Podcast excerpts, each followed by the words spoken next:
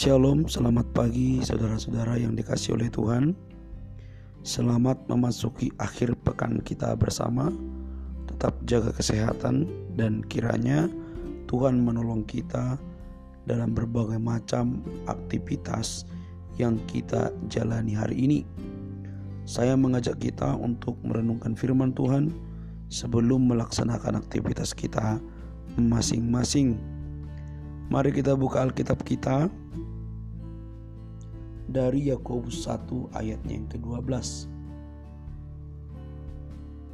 Yakobus pasal 1 ayat 12 firman Tuhan berbunyi Berbahagialah orang yang bertahan dalam pencobaan sebab apabila ia sudah tahan uji ia akan menerima mahkota kehidupan yang dijanjikan Allah kepada barang siapa yang mengasihi Dia. Saudaraku yang dikasih oleh Tuhan, ujian hidup tidak akan pernah menjadi sulit apabila kita bisa melewatinya dengan kesabaran. Seorang perawat muda sedang membantu operasi untuk pertama kalinya. Ketika dokter selesai mengoperasi, perawat itu melapor kepadanya bahwa sang dokter telah menggunakan 12 lembar kain kasa. Tetapi saat dihitung setelah operasi hanya ada 11 lembar kain kasa dengan kasar, dokter itu menjawab bahwa ia telah mengeluarkan semua kain kasak dari dalam tubuh pasien. Lalu si perawat bersikeras bahwa kain kasanya hilang satu, tetapi dokter itu berkata bahwa ia akan melanjutkan tugasnya dan menjahit sayatan operasi pasien. Dengan mata menyala-nyala, perawat itu berkata, "Anda tidak boleh melakukannya. Pikirkan nyawa pasien Anda." Kepada dokter tersebut, lalu sang dokter tersenyum dan mengangkat kakinya.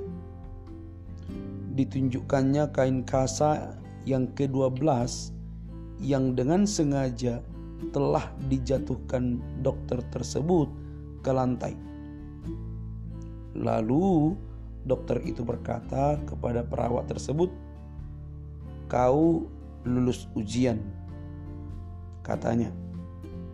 Rupanya sang dokter sedang menguji si perawat. Kisah ini mengingatkan kita kepada ketiga sahabat Daniel yang menghadapi ujian dalam bentuk yang berbeda.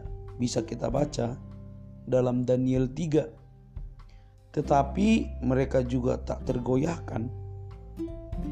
Mereka tak gentar sekalipun tahu bahwa penolakan mereka untuk menyembah berhala dapat membuat mereka kehilangan nyawa.